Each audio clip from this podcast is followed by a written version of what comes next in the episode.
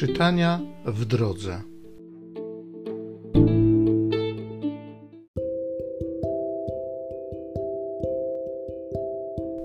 Z listu świętego Pawła apostoła do Rzymian. Nie możesz wymówić się od winy, człowiecze, kimkolwiek jesteś, gdy zabierasz się do sądzenia.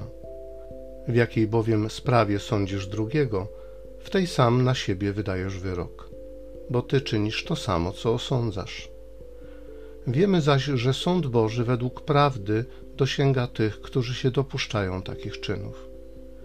Czy myślisz, człowiecze, co osądzasz tych, którzy się dopuszczają takich czynów, a sam czynisz to samo, że ty umkniesz potępienia Bożego? A może gardzisz bogactwem dobroci, cierpliwości i wielkoduszności Boga, nie chcąc wiedzieć, że dobroć Jego chce cię przywieść do nawrócenia? Oto przez swoją zatwardziałość i serce nieskłonne do nawrócenia skarbisz sobie gniew na dzień gniewu i objawienia się sprawiedliwego sądu Boga, który odda każdemu według uczynków Jego.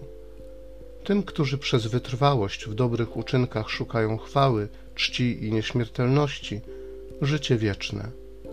Tym zaś, którzy są przekorni, za prawdą pójść nie chcą, a oddają się nieprawości, gniew i oburzenie.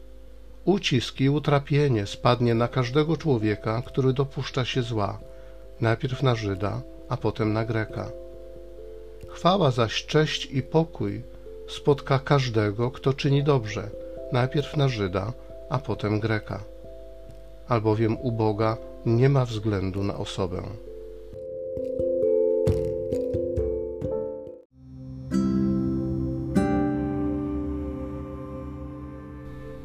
Psalmu 62.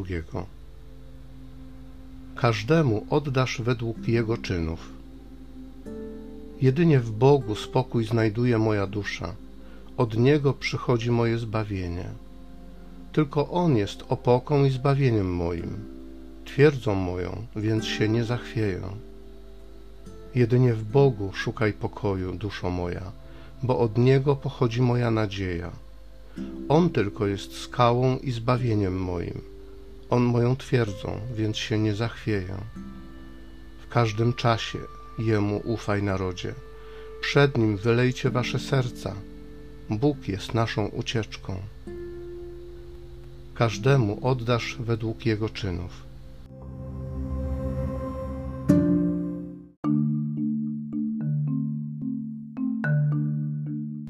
Moje owce słuchają mojego głosu. Ja znam je, a one idą za mną.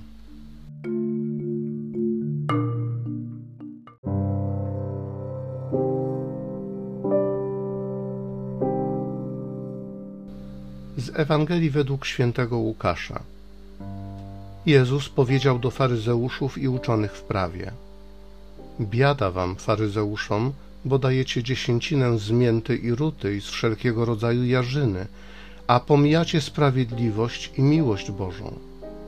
Tymczasem to należało czynić i tamtego nie opuszczać.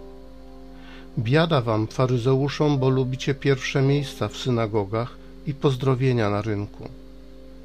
Biada wam, bo jesteście jak groby niewidoczne, po których ludzie bezwiednie przechodzą. Wtedy odezwał się do niego jeden z uczonych w prawie. Nauczycielu, tymi słowami nam też ubliżasz. On odparł, i wam, uczonym w prawie, biada, bo wkładacie na ludzi ciężary nie do uniesienia, a sami jednym palcem ciężarów tych nie dotykacie.